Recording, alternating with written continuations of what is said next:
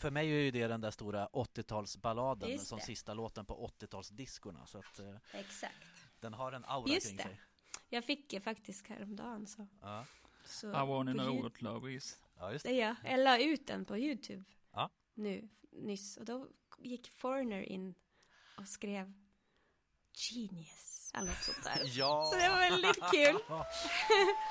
Det var roligt.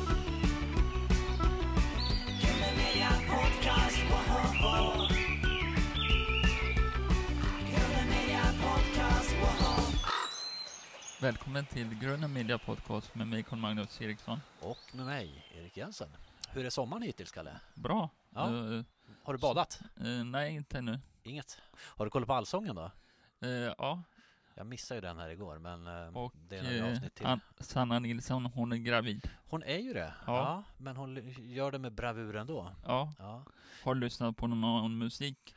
Ja, framförallt två plattor som eh, går väldigt heta i min Spotify just nu. Och det, det är två skivor som släpptes förra året av dagens gäst här i podden. Och det är Mm. faktiskt, hon är faktiskt en drömgäst. Så Ja. det här är lite pirrigt, Mm. men, men vi, vi kör ändå. Mm. Så eh, ska vi koppla upp Zoom? Vi kör Zoom. Ja, och välkomnar. Ja, Arne Brun. Välkommen Arne Brun till Grunden Media Podcast. Ja. Tusen tack. Ja, direkt från Oslo Ja. får jag säga. Eh, och Göteborg. Är ni i Göteborg? Vi sitter i Göteborg. Ja. Nära Bengans. Mm. Okej. Har du varit, Bra. har du varit i. Bengans? Ja, det har jag. När jag varit och spelat i Göteborg så har vi brukat gå förbi där ofta. Hur är det med dig idag, Arne Brun? Jag mår ganska bra. Jag blev så här riktigt så här bondförkyld förra veckan. Så här, tog två covid-tester och hade ingen covid men blev så här riktigt förkyld. Eh, och det var länge sedan. Det var ovant. ja.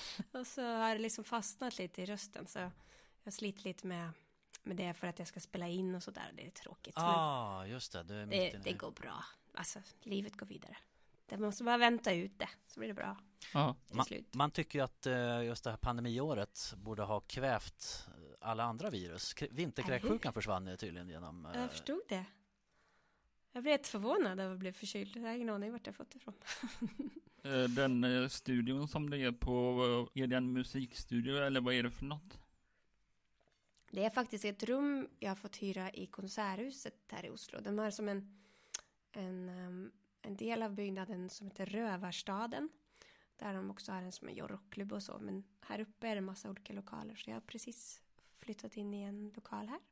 Så det finns inte så mycket här än. Förutom en, en, eh, ett skrivbord och mina högtalare och sådär. Så det ska bli trevligt efter ett tag tror jag. Men det, det är jättefint. Mitt i stan. Eh, vad gör du i Norge just nu och är du på semester? Nej, alltså jag bor delvis i Norge nu för att jag, jag har ju bott i Sverige i 20 år faktiskt. Men jag träffade en norrman faktiskt, fick en pojkvän Ja, från Norge för tre år sedan. Och då, ehm, eh, konstigt nog från min hemstad, aha! som jag inte bott i sedan 2000, nej, sedan 95 faktiskt. Så jag träffade en, en kille från min, från där jag växte upp, vilket har varit ganska speciellt och fint. Eh, så det blev så att jag började pendla fram och tillbaka mycket mer till Norge och sen åkte jag till Oslo 10 mars 2020 för att fira min födelsedag. Mm. Och två dagar senare så stängde de gränserna. Aha, okej. Och då, då stannade jag faktiskt här ganska länge innan jag åkte till Sverige. För det var så svårt att komma in i Norge igen liksom. Så, så då, det här året har jag varit väldigt mycket i Norge. Så nu kommer nu, nu kommer vara här liksom mycket fram och tillbaka till Sverige. Men nu har jag liksom på så flyttat ihop med den här killen lite och så. Så, så det blir lite Norge, mycket mer Norge i mitt liv nu än det har varit. Men det är väldigt fint i Norge för han Petter Stordalen bygger mycket hotell där och så va? Ja, just det. Just det. det. Ja. Men jag tänker pojkvänner här, alltså ni har vuxit upp i samma stad men ni känner inte varandra sedan tidigare? Nej, han var lite äldre, eller han är lite äldre än mig. Så eh, det är ju lite som att när man växer upp i en lite mindre stad så känner man liksom de som är tre år äldre och tre år yngre. Fast efter det vet man inte vem folk är. Mm. För man har liksom koll på folk utifrån vilken skola man gick på. Och han är tio år äldre än mig. Ah, så okej. då Mm. faller han helt utanför. Då var jag liksom nio när han flyttade. Så Mm. Annars är man brukar alltid känna någon, hans, hans lillebror eller hans lilla syster. Och Jo, men det är faktiskt hans slags, ja. brors lillasyrra som känner oss båda. Det är därför jag känner honom nu. Ah, okej. ja. Så det var en liten länk däremellan. Ja, men vi får ju reda ut detta också då. Du är ju norska, men jag ska säga att du, det låter ju mer svenskt än bokmål. Sådär. Hur, hur Ja, är din det. Norgehistoria, eller vad man ska säga? Du, du, Ja. Jag växte upp i Norge, Mm. eh, i Molde som det heter, en liten stad, 25 000 människor ungefär. Eh, bodde där tills jag tog studenten och sen flyttade jag till Spanien och till Oslo och till Bergen, flyttade runt ganska mycket och sen i, i eh, 98 träffade jag en svensk kille från Uppsala. Och då bestämde vi oss två år senare att flytta till Uppsala. Så i 2000 flyttade jag till Uppsala. Började plugga där och började spela ganska musik där och träffa en massa musikerkompisar där och så. Och sen så har jag liksom bara stannat i Sverige sedan dess och eh, bestämde mig ganska snabbt efter ett år kanske för att börja prata svenska på riktigt. För att det är, de här språken är så lika. Mm. Så om man pratar norska så måste man oavsett blanda in så mycket svenskt. Så då blir det liksom någon typ av soppa liksom. mm. Och jag, då märkte jag att jag kunde inte ens prata norska längre. Mm. Så, så nu har jag, jag bestämde mig ganska snabbt för att liksom försöka prata svenska och sen prata norska när jag pratar norska. Så jag kan byta till norska och snacka norsk när som helst. För det är jag Ja. van till och så.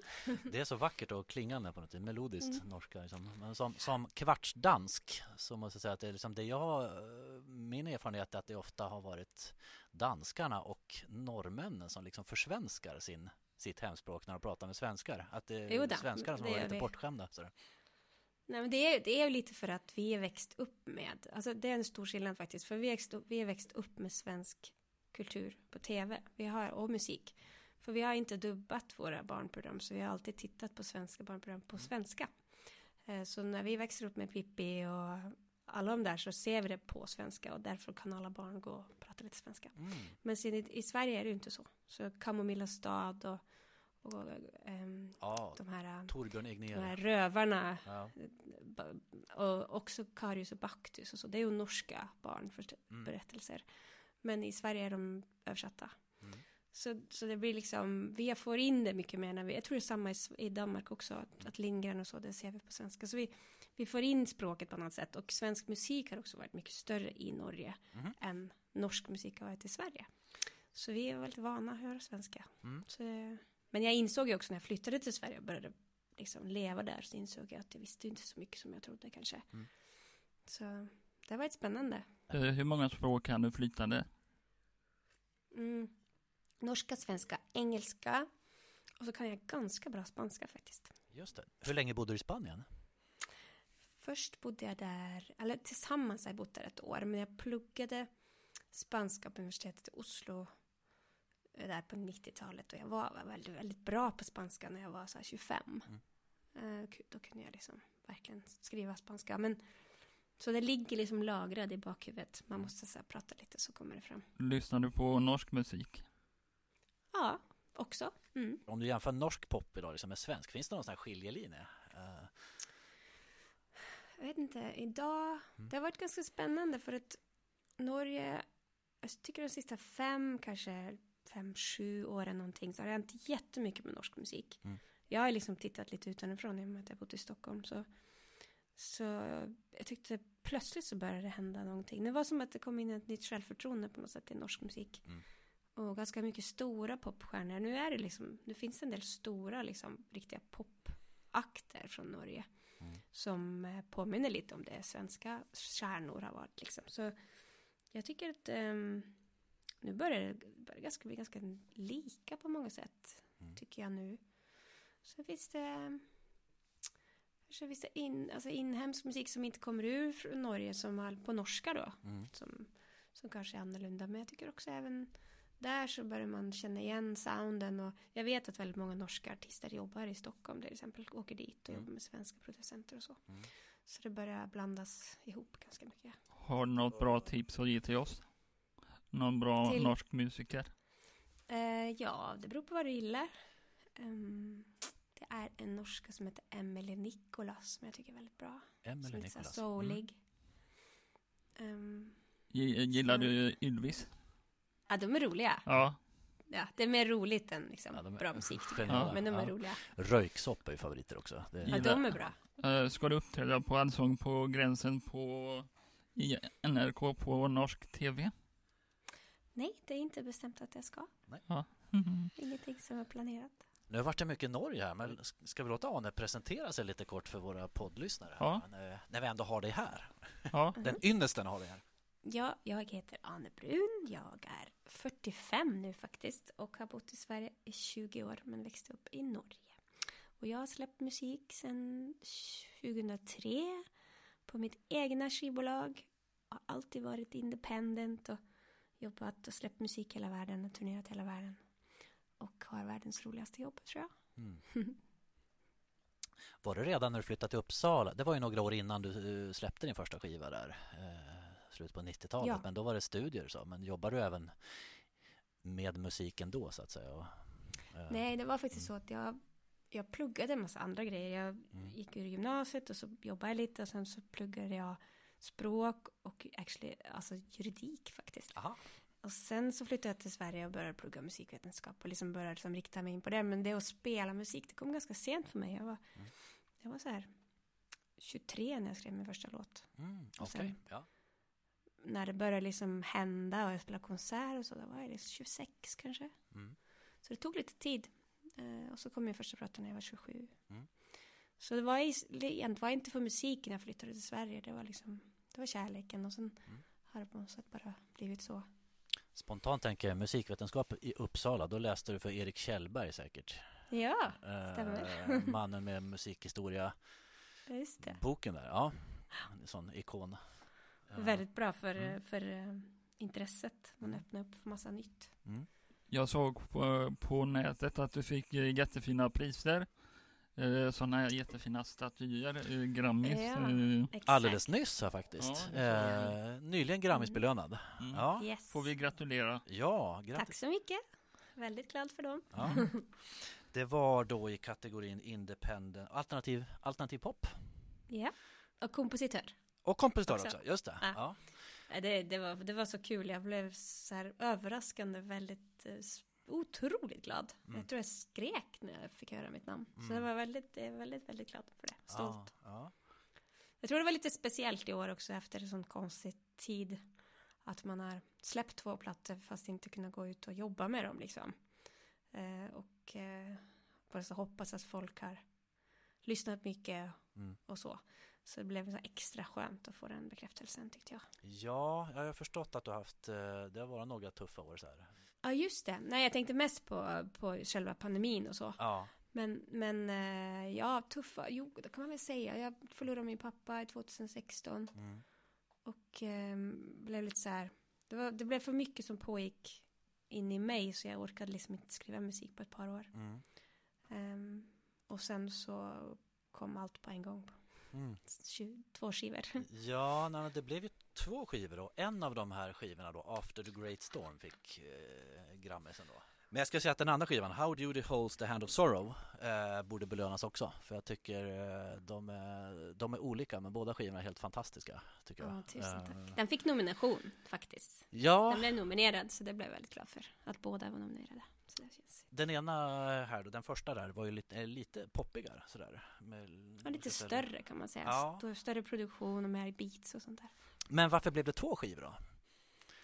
Det blev så himla mycket låtar faktiskt. Mm. Det var som att jag hade så många låtar färdiga och så började vi spela in och så tänker man ju oftast att det kommer bli några som inte kommer med. Men Mm. jag jobbade liksom så mycket med dem och sen när, när allt stängde ner så hann jag liksom sitta och fila lite på grejer också. Mm.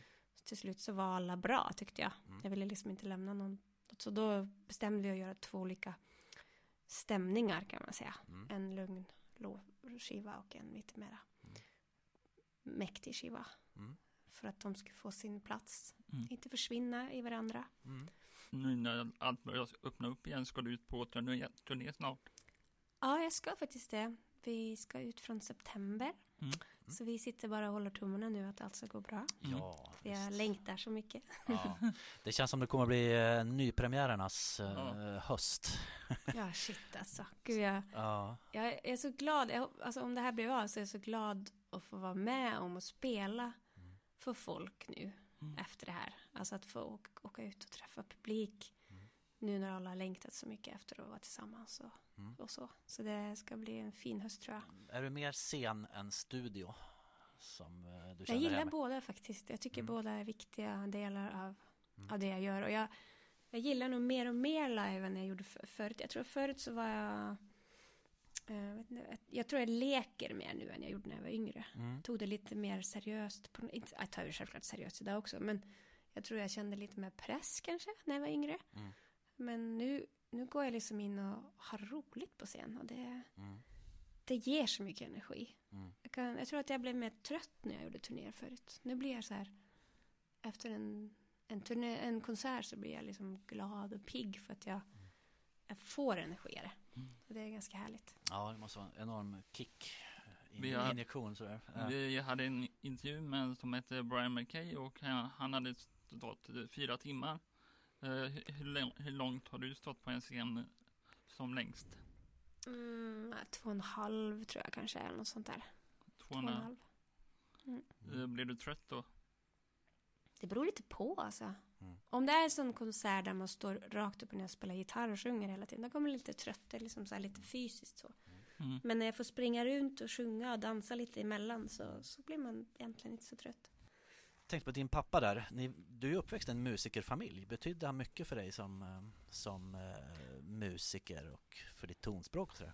Och som det, var människa? inte, det var inte pappa som var musiker, han var advokat. Han var advokat. Eh, Mamma är därav musiker. din jurist, eh, ditt Yes. juristspår där då kanske? Exakt. Men mamma är advoka- äh, musiker. Okej, ja. Hon, hon är liksom både lärare i Ja. piano och sång, men också har spelat väldigt mycket sin egen grej sen jag var liten. Hon har en jazztrio och sen har hon gjort massa olika musik liksom. Så det var ganska så här, det, det har jag förstått när jag blev äldre, att Mm. det har varit väldigt så här naturligt för mig att spela musik av den anledningen. Att det är något som mamma alltid har gjort liksom. ja. Att eh, det är inget, konstigt med att stå på en scen eller det har Mm. liksom varit naturligt för mig. Mm. Så, och säkert också påverkats av hennes musik, det vet jag faktiskt inte helt hur, men hon har spelat mycket jazz, jag har lyssnat mycket på jazz och jag kan höra det Mm. lite i hur jag fraserar och så, att det är lite jazz där någonstans, men Mm. det är alltid svårt att höra själv tror jag, med något så nära som en mor. Mm. Men pappa var advokat och han älskade musik, men han spelade inte. Vad har du för jazzikoner som förebilder? Alltså jag växte upp i Molde och Molde har en jazzfestival som är väldigt känd. Mm. Som har hållit på i, vad är det, 65 år eller någonting nu. Som är en av de här stora europeiska jazzfestivalerna. Mm. Så jag växte upp med att se allt liksom. Mm. Eh, var på, och så var jag volontär hela tonåren och artistansvarig och så. Så det är liksom inga, alltså inom sång så gillar jag Ella Fitzgerald och Anita och Day och lite sånt där. Men Mm. jag gillar ju Coltrane och Miles Davis och eh, liksom jättemycket grejer. Men det är som en stor, det är en stor massa av musik för jag har liksom växt upp med allt det där. Mm. Sen jobbade jag på skivaffär i flera år också på jazz och klassisk. Så Ja. det är ganska mycket sån musik i mitt huvud. Har du funderat på att göra en renodlad jazzplatta? Alltså, jag, jag har inte det alltså. Nej. Det handlar lite om att jag tycker att det har gjorts så mycket bra jazz. Mm. Att jag kan liksom inte helt se varför jag ska göra det. Lite Nej. grann. Um, måste, där måste jag hitta en, där måste jag skriva jazz tror jag för att det ska. Jag vet inte om jag skulle vilja göra så här standardlåtar. Jag har växt upp med det med mamma. Jag vet inte om jag skulle vilja det. Men vem vet? Det är kanske det jag gör. Jag säger det här, men det är kanske det det blir. Ja, vi har ju den här agendan här nu att vi ska säga glöm inte vad ni hörde där först. Arne Brun gör en jazzplatta. exakt. Tillsammans med Carl Magnus Eriksson. Och, Tillsammans med dig ja. ja. ja, ja, ska Jag du har- spela då? Jag har låtar på gång också. Är det så? Jazzlåtar eller? Ja, inte jazz. Du är nog mer populärmusik sådär tror jag. Vad kul. Eh, vad har du din Grammis eh, stående? Det står på, nu står den på pianot hemma hos, eh, hos min kille här i Norge. För jag tog, hem, jag tog med den hit för att han skulle få se. Han tyckte det var så roligt så han ville se den. Mm. Så nu står den på pianot hemma. Ja. Men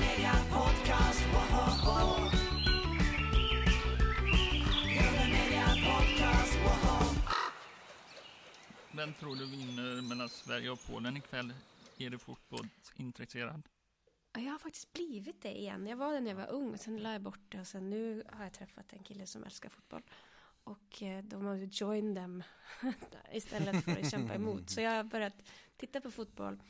Speciellt under pandemin så har det varit så mycket fotboll. Mm. Och jag, jag har liksom kommit på att fotboll är den perfekta avkopplingen jag kommer på. Mm. Så det är, det är liksom något som jag inte hade fattat förut. Att det här är ju superskönt. Stirra på någon som sparkar boll.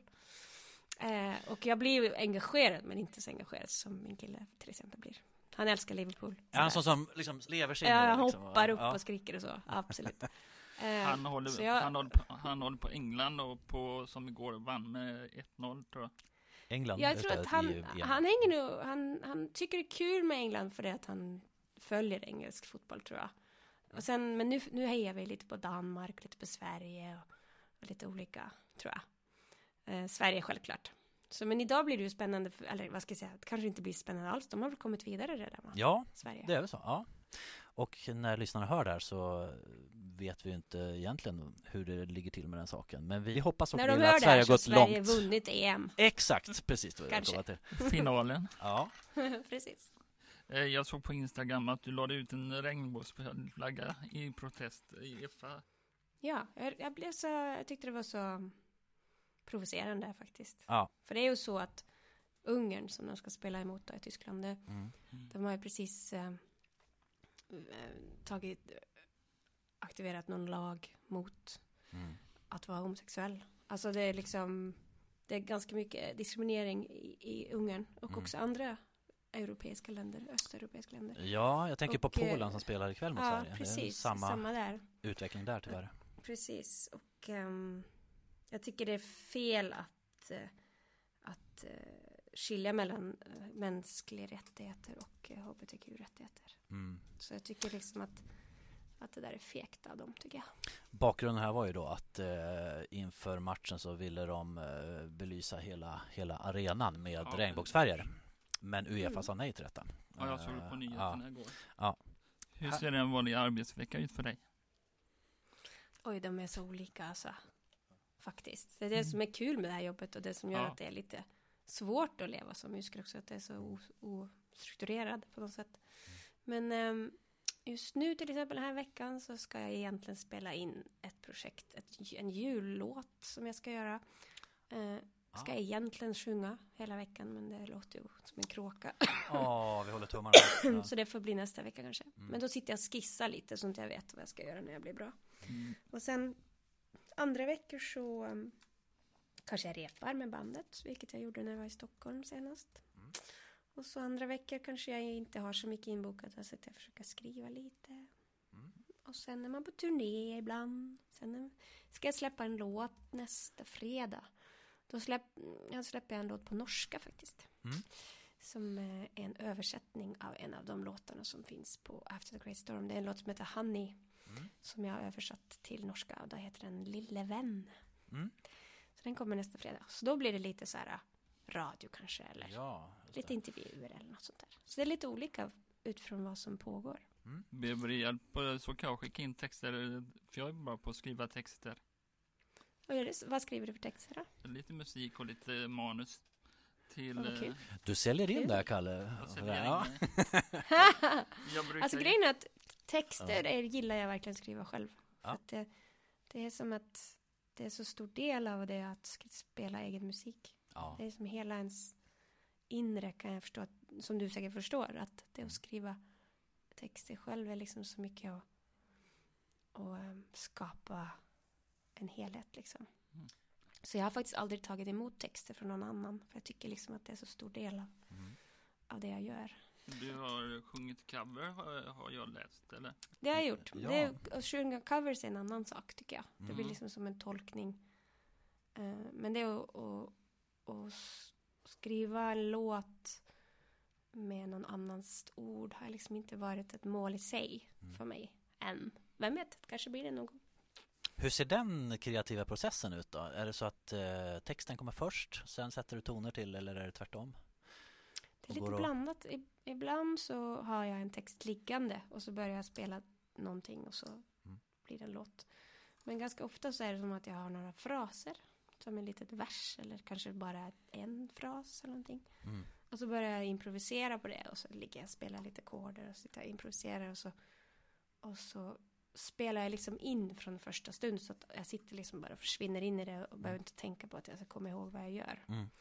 Och så kan jag liksom sitta i det med lurar och sitta och sjunga och spela och så efter ett tag så börjar jag känna men där var det något bra och så så liksom det blir som att nästan som att så här, tvätta guld på något sätt. Man så just det, vaska på, fram liksom. de där. Ja. man vaskar fram de här guldkornen på något sätt. Ja.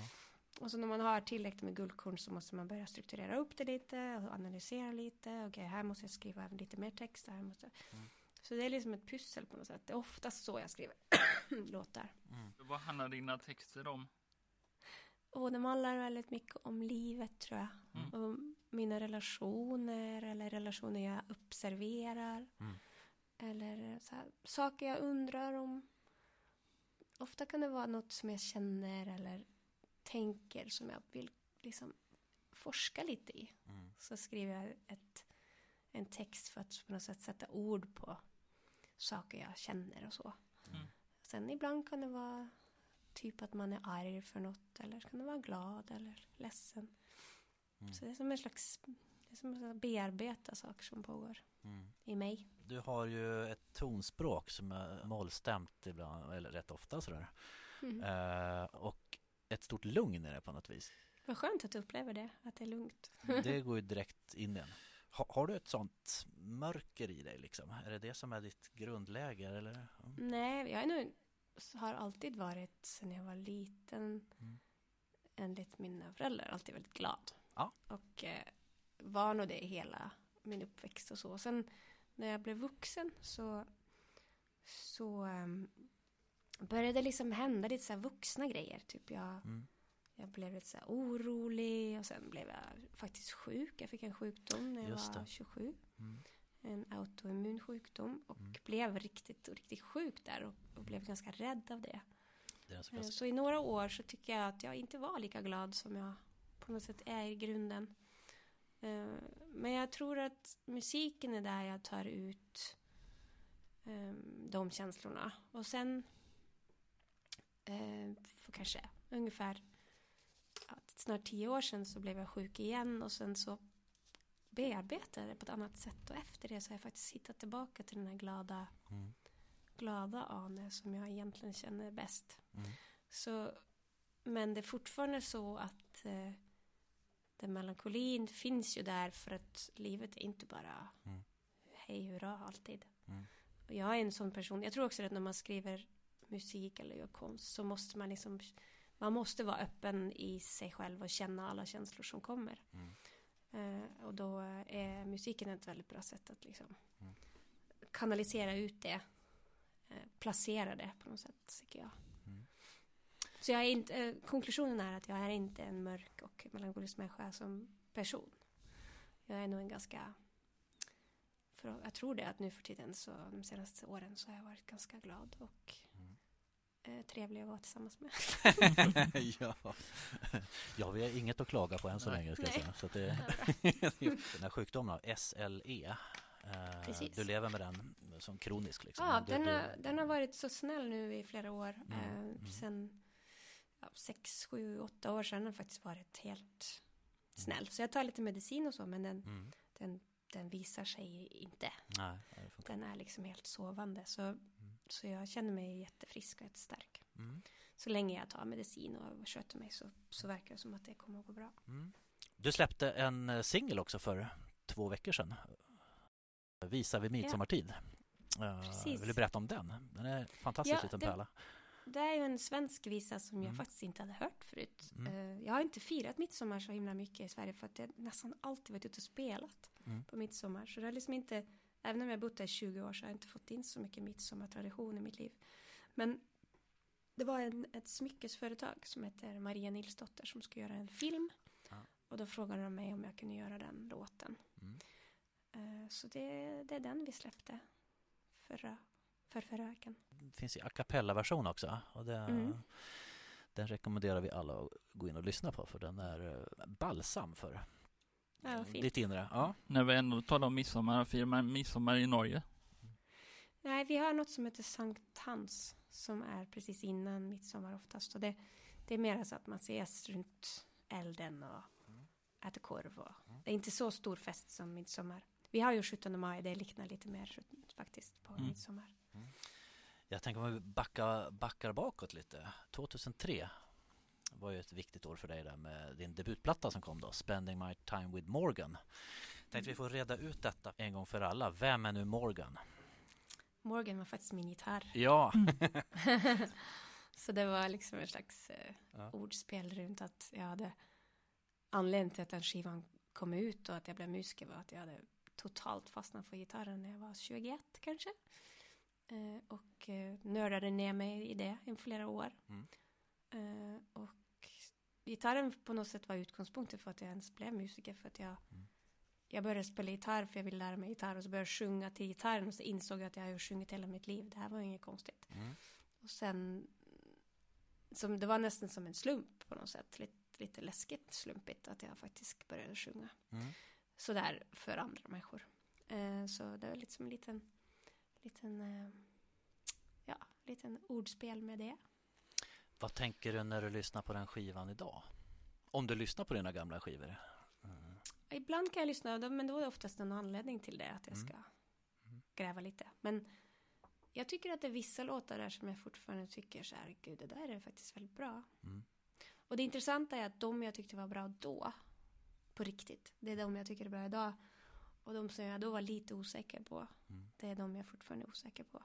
Mm. Så jag hade nog egentligen en mycket starkare magkänsla då än jag vågade lita på själv. Mm. Eh, och eh, det tog jag faktiskt med mig efter den första skivan. Att jag ska aldrig släppa någon låt som jag känner så här, "Ah, jag är inte helt säker. Mm. Så mm, det var... Så jag tycker vissa låtarna är grymma fortfarande på den. Absolut, jag måste säga det var en platta jag sträcklyssnade på. Eh, Ja, fint. Och gärna återkommer till. Gud vad kul. Och håller i högsta grad fortfarande tycker jag. Mm. Hur många instrument kan du spela? Gitarr och piano. Typ. Lite bas kanske om jag måste. Vad tog Morgan vägen då? Jag tänker så här, när man lyssnar på de senare skivorna så känns det som Morgan eh, kanske eh, fått hänga lite mer på väggen sådär. Eh, det är mer piano. Just Ja. den, precis den gitarren, Ja, den ja. faktiskt, den, den hade en olycka så den finns inte. Ah. Ja. Men, men när det gäller att spela gitarr så, jag har gjort otroligt många låtar med gitarr. Mm. Eh, många skivor och många låtar. Och det blir ju ett väldigt specifikt sound med en gitarr Mm. som man plockar i och så. Så jag, jag kände ett behov eh, från typ When I'm Free-plattan som kom för Mm. fem år sedan. Så kände jag ett behov att liksom försöka höra någonting annat. Mm. Eh, Och då tog jag bort gitarren för att skapa musik Mm. på ett annat sätt. Eh, Men den kom ju alltid, sen gjorde jag en coverplatta med massa gitarr på. Just Så det. det kom ju, det kom ju, den kommer ju att hänga med liksom. Men jag har också börjat gilla verkligen att gå runt och sjunga på scen och gå runt och liksom röra på mig. Så det är lite svårt samtidigt som man Mm. plockar gitarren. Så, så det är lite för att försöka utvecklas och skapa nya sound och så. Mm. Då måste man ibland ta bort något. För att det ska öppnas upp för något annat. För gitarren tar ju väldigt mycket plats i ljudbilden om man har gitarr. Så det går liksom inte att ha den och, plus, och samtidigt göra en massa andra saker. Så, så. Mm. Känslan har du ju bevarat kvar där. Men, Mm. men ny, nya, ny kostym, ska jag säga då. Ja. Spelar du pianot där också på, på skivorna som kom förra året? Jag tror att jag spelar någonting. Men det, jag brukar ge det vidare till eh, mestadels Martin Hederos. Jag Ja, så. visst. Ja. Jag skissar lite och så skickar jag det till honom och så kan han spela det liksom. För att det blir ju, jag kan göra det men det blir bättre med honom. Får man fråga vem är det som har arrat stråkarna? Jag får ju såna här eh, Nick Drake-vibbar alltså. Eh, Robert Ja, det Kirby beror på vilka låtar, det är lite olika men Mm, just på den röda skivan, How Mm. Beauty Holds the Hand of Sorrow, så är det Johan Lindström mm. som har gjort både första låten, här Last Breath och också Trust som han har gjort då. Så han är helt genialisk. Ja, man blir golvad där alltså. Jag gillar Ja. stråkar, kanske märks. Ja, jag med. Jag med. Men det där Nick Drake-fablessen. Ja. Jag har ju också fått gjort en hel skiva med Radiosymfonikerna. Just det. Mm. Som, och det blir ju, då är man ju mitt i en stor stråksektion och det är väldigt kul. Ja, hur var det? Alltså, ja, det var det med eh, Polar Music Prize va? Jo, det har jag också gjort, men jag har gjort flera konserter mm. bara med orkester. Eh, Så här långa konserter. Ja. Och också i Göteborg och ja, i Norge. Och Norge och Danmark. Jag har gjort det många ställen. Väldigt kul. Symfoniorkester. För, för jag såg ett klipp där du uppträdde inför Sting eh, på Just det. Music Prize. Ja, Hur var det? just det. Jag har gjort det två gånger. En gång för Björk och en gång för Sting. Det är stort. Och det Ja. är läskigt alltså. Tycker Han, jag. han såg rörd ut. Ja, han såg väldigt nöjd ut. Ja. Jag, jag tyckte det var läskigt. Eh, Det är fint självklart, men det är också Ja. läskigt att spela framför de som har lagat musiken. Fick du chans att prata med Sting och Björk sen? Ja, faktiskt. Ja. Eh, De två som sjöng med mig, Jenny Abrahamsson och Linnea Olsson, de har ju turnerat med Sting. Mm. Så vi hade en bra ingång att säga hej liksom. Mm. Det var så tajta Så liksom. det var kul. Ja. Eh, sen Björk faktiskt så var det så att jag, det här är ju länge sedan nu, tio år sedan. Ja. Jag vågade inte gå bort till henne. Eh, Jag kände att det var så pinsamt att gå bort och liksom typ, hej såg du mig sjunga? Men sen så kom hon faktiskt bort till mig istället. Ja. Okej, Eh, du då? och, och jag, eller jag blev bjuden bort av hennes assistent så jag fick prata med henne. Så det var väldigt trevligt. Eh, vad, vad sa Björk och Sting? Hon gillade det. Och detsamma med Sting också. Han sa att han tyckte det var så fint att jag hade valt den låten för att den var så viktig för honom. Ja, just det. Så det var fint. Alltså vi hade ju den här frågan, när blev du senast starstruck? Det låter som att det här är en av de tillfällena då. Ja, Björk definitivt. Det är så? Alltså, Ja. Absolut. Jag vet inte, blir man... Man kan bli starstruck så liksom lite överraskad ibland också Mm. när man blir starstruck. Att, att vissa blir man det, vissa blir man inte på något sätt. Mm. Eh, jag kan tycka som Patti Smith är så himla cool Hon är, person. Ja, och man ja, kan visst. bli lite starstruck, tänker man. Men hon är så himla avslappnad. Så man, jag har träffat henne Ja. ett par gånger. Vi har spelat samma festival och så. Hon är supertrevlig. Då får du hälsa från oss. Gillar du henne? Så då kan vi intervjua henne och eh, Ja, Björk. just det, just det, just det. Ja, så Ja. gott känner jag inte henne. Ja. Men jag kommer ihåg att jag spelade på den här um, Arts and Music som var i Stockholm. Music and Arts-festivalen. Mm. Och då hade Emily Harris också spelat samma kväll som mig. Då fick man liksom, jag fick komma in typ och hälsa på henne i hennes rum. Ja. Och då var hon så otroligt så här, hon var så fin. Det var som att hon var som en så här, det blev, hon är ju liksom nästa generation, så hon liksom lite mentorkänsla. Hon var som, Ja. hon var väldigt fin Ja. också. Så man, ibland får man träffa dem där. Hur, Pat- hur var Patti Smith? Eh, eh, hur var hon att prata med? Väldigt cool och avslappnad. Verkligen. Patti Smith såg jag på Liseberg för några år sedan. Det var ju som en krutdurk alltså. Vilken, så eh, coolt, vilken alltså. karisma. Och... Det är väldigt inspirerande. Om vi återvänder till den här, den här plattan då där du tolkar andras låtar. Ja. Eh, Och då gjorde du bland annat Halo och I want you to know what love is. Eh, Mhm. vilk, eh, vilken cover var roligast att göra? Och jag tycker det är jättebra två låtar. Tack. Mm, det är väl lite svårt att säga vad som är roligast. Mm. Um, Halo spelade jag in för många år sedan faktiskt. Det är ganska länge sedan. Mm. Det var som en, ett experiment bara för att jag hade lyssnat så mycket på den när den kom ut. Mm. Och så bestämde jag och Linnea Olsson oss för att försöka göra en version av den. Det var kul den gången. Och sen Mm. blev den liggande i en låda bara vänta och så släppte vi den. Eh, och den har ju den har ju blivit väldigt stor den versionen. Mm. Sen eh, I wanna know what love is är väldigt kul att spela. Mm. För att den har någon slags um, något driv och, och det är väldigt roligt att göra just den texten lite annorlunda än originalet. Så jag, jag ehm, den är roligast att spela för då spelar jag också gitarr. Så den är lite så här. För mig är ju det den där stora 80-talsballaden Just som sista låten på 80-talsdiskorna. Så att eh, Exakt. den har en aura Just kring det. sig. Jag fick det faktiskt häromdagen så. Ja. så I wanna know what love is. ja, just det. Jag. Jag la ut den på Youtube. Ja. Nu, nyss. Och då gick Foreigner in och skrev Genius. Eller något sånt där. Ja! Så det var väldigt kul. Det var roligt.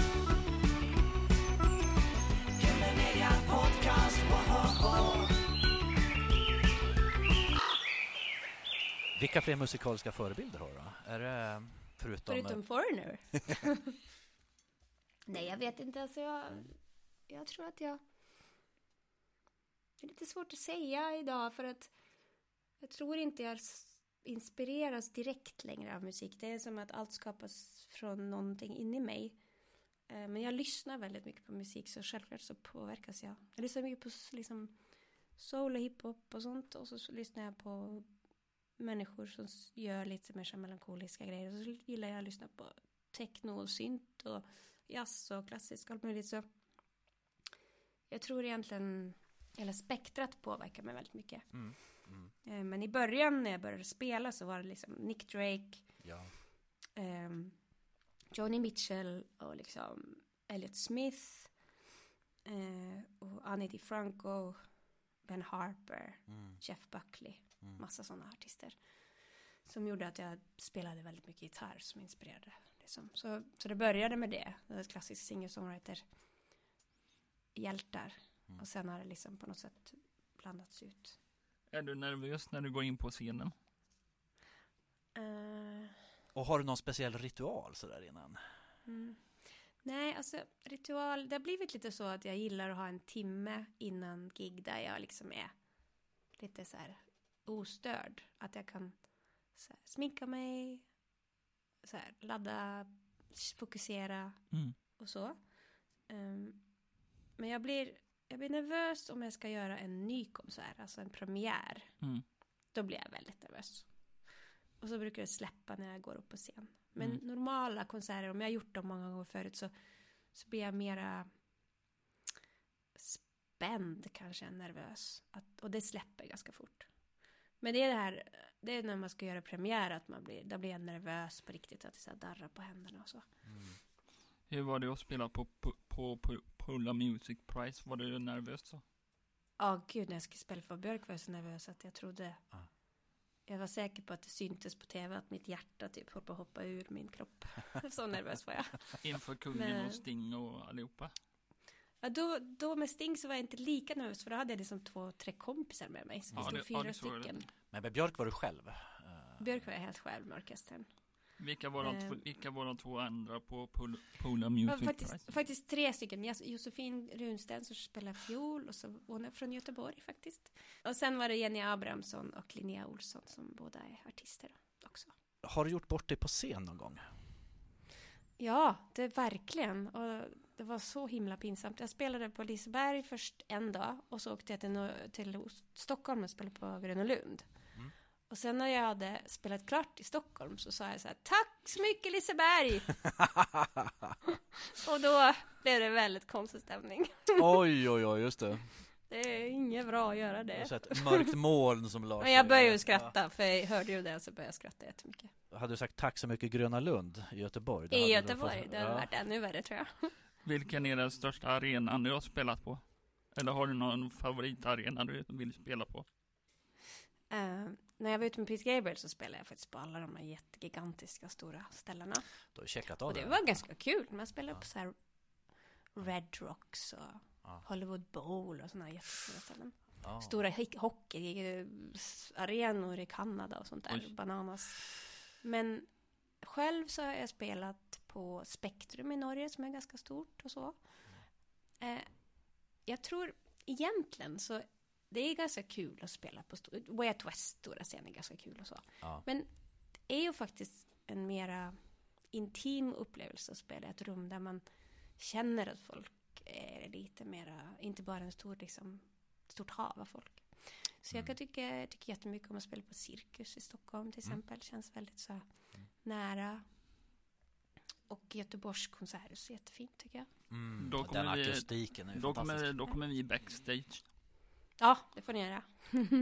Du har också jobbat med lite där internationella akter som Ron Sexsmith och Peter Gabriel. Eh, det vill jag höra lite om. Ja. Nej men det var så att jag spelade i Norge för, ja, det är länge sedan nu alltså, 2005 var det tror jag. Ja. På en stor konsert, Mandela-konsert. Och då var Peter Gabriel där. Mm. Och han kom bort till mig och tackade för mitt lilla set och så. Mm. Och jag blev, då blev jag starstruck, för jag har ju lyssnat på honom sedan jag var tio år. Ja. Så jag var jättestarstruck. Och sen gick det fem år. Och så fick jag plötsligt en mail från hans liksom, producent, eller så kallar det för, tekniker. mm. Där han frågade om jag ville vara med på turné. Att de kommer ihåg mig från Norge då. Det var inte då- dåligt. Är väldigt konstigt. Jag är att inte förvånad och skulle få jag säga. sånt mail. Eh, Nej, Ja. det var fantastiskt roligt. Så, Ja. så då åkte jag till London bara några dagar senare och träffade honom första gången. Och så, det var jättekul. Ja. Och sen så turnerade vi ehm, hela USA, Kanada, Europa. Två vänder. Så jag var ute med honom i liksom, vad kan det vara, tre månader eller vad det blev tillsammans. Mm. Så det var väldigt kul och eh, spelade in en platta också med, och det var ju orkesterversioner av låtarna Ah. som vi gjorde. Så det var en fantastisk resa, verkligen. Jag tänkte på det att du och Peter Gabriel delar ju även en annan sak och det är ju klimatengagemanget. Eh, du har eh, jobbat med ett projekt som heter No More Lullabies. Just det. Ja, jag gjorde det. det. Det projektet var lite samtidigt. Det var 2009 tror jag vi började med det. Mm. Eh, Där vi försökte skapa uppmärksamhet runt klimatfrågan. Det här var liksom när det var Köpenhamnkonferensen. Eh, Och då, allt var väl, det är intressant för det är tio år sedan lite mer. Och det var på den tiden, det var liksom inte fortfarande inte helt slagit ner i folk tror jag. Nej. Att det var så akut. Mm. Eh, Det var innan Thunberg och allt det där. Mm. Så ehm, vi samlade massa artister som spelade två låtar var. Typ 50 artister tror jag vi var. En låt, det var fantastiskt. Mm. Eh, så jag gick in i klimatfrågan ganska hårt då och blev ganska så här Mm. ledsen av det faktiskt den gången kände jag. Ja. Kommer ihåg. Ja. Det var tungt. För det var också en tid där folk tyckte man var en jävligt jobbig person om man började prata klimat. I 2009. Det var, det var, man var ganska, då var man liksom så här mörka molnet som kom in i rummet liksom. Ja. Så jag la bort det faktiskt efter ett tag för att det påverkade mig så mycket. Mm. Och idag så försöker jag göra det på mitt sätt utan att liksom stå i fronten. Mm. Så jag skriver musik om det istället nu. Mm. Så jag har skrivit några låtar om det. Mm. Vad gillar du Greta Thunberg?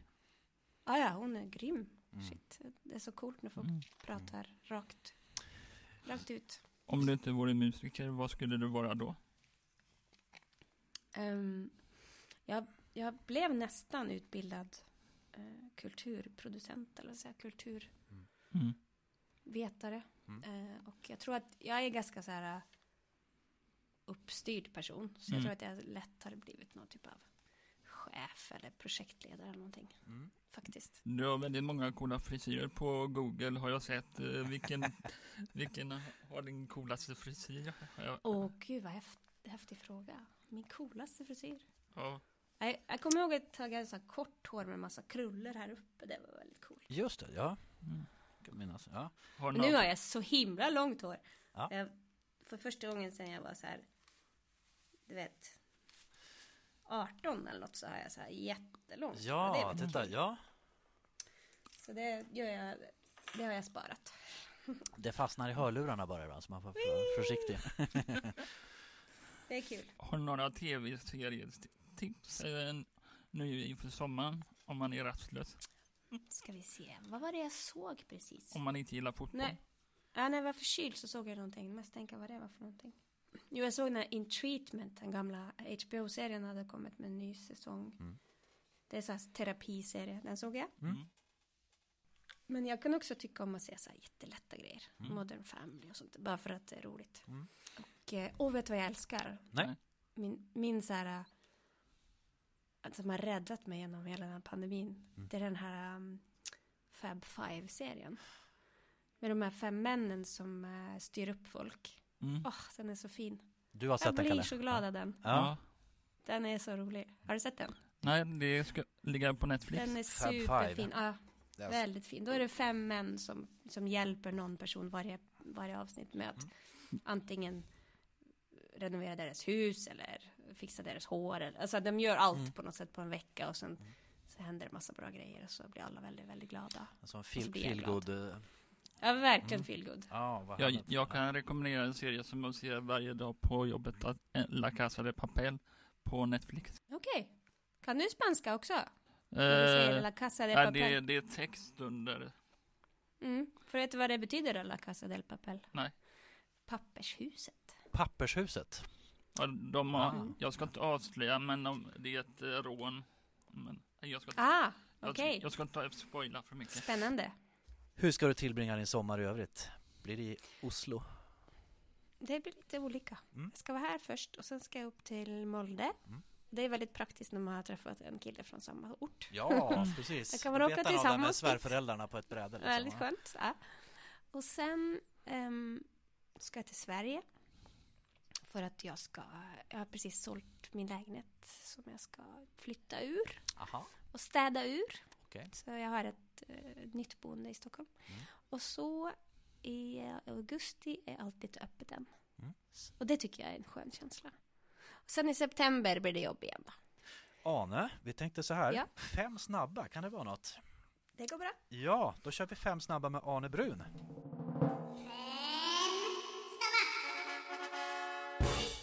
Vinyl eller Spotify?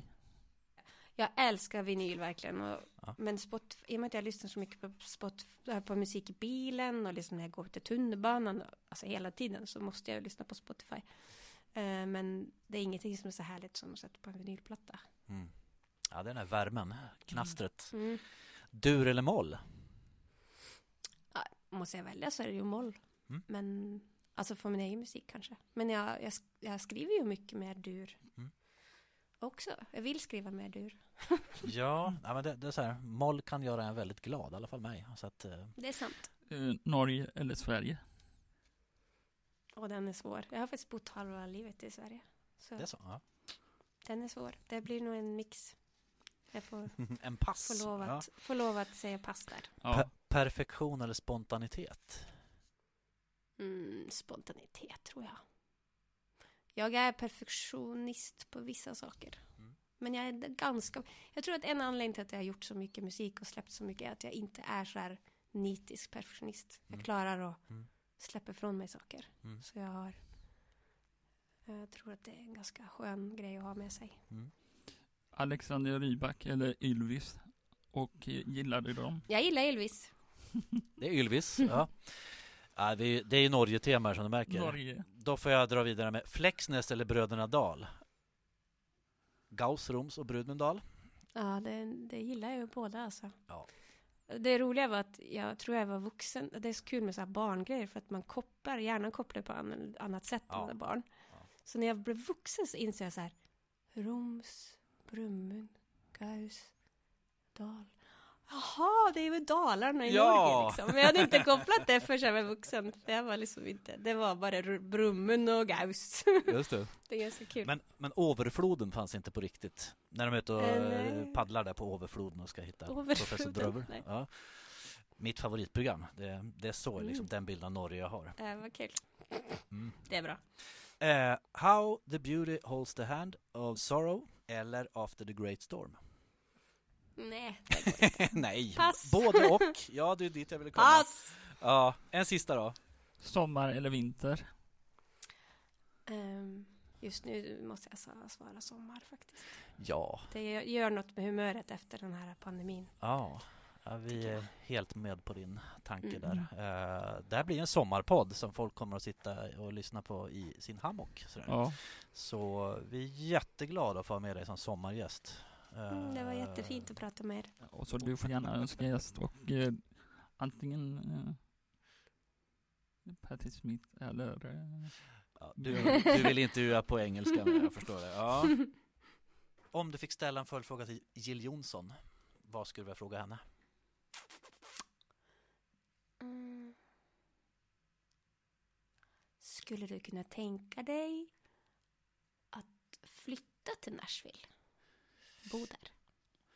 och om vi inte får tag i Jill Johnson, om hon inte vill vara med i vår podcast, vem skulle du vilja? Säg, Patti, säg. Patti Smith nu. Ja, precis. Vad var. Arne, vi är så tacksamma och glada. Det var en ynnest att få dela den här stunden med dig. Det var Mm. jättekul att träffa er. Ja, Tack för musiken och lycka till med eh, turnén och inspelningar och varmt välkommen till Grunden Media. ja, du är alltid välkommen hit på kaffe. Jag kände mig väldigt välkommen. Tusen Ja, tack. tusen tack. Välkommen på yoga, musik och eh, podcast och allt. Jajamän, vi lovar öppet Ja. hus. Tusen tack. Trevlig sommar. Ja, trevlig Detsamma. sommar. Jättefint att prata med dig. Ja. Sköt om dig. Hej då. Hej då Hej då. nu. Hej då.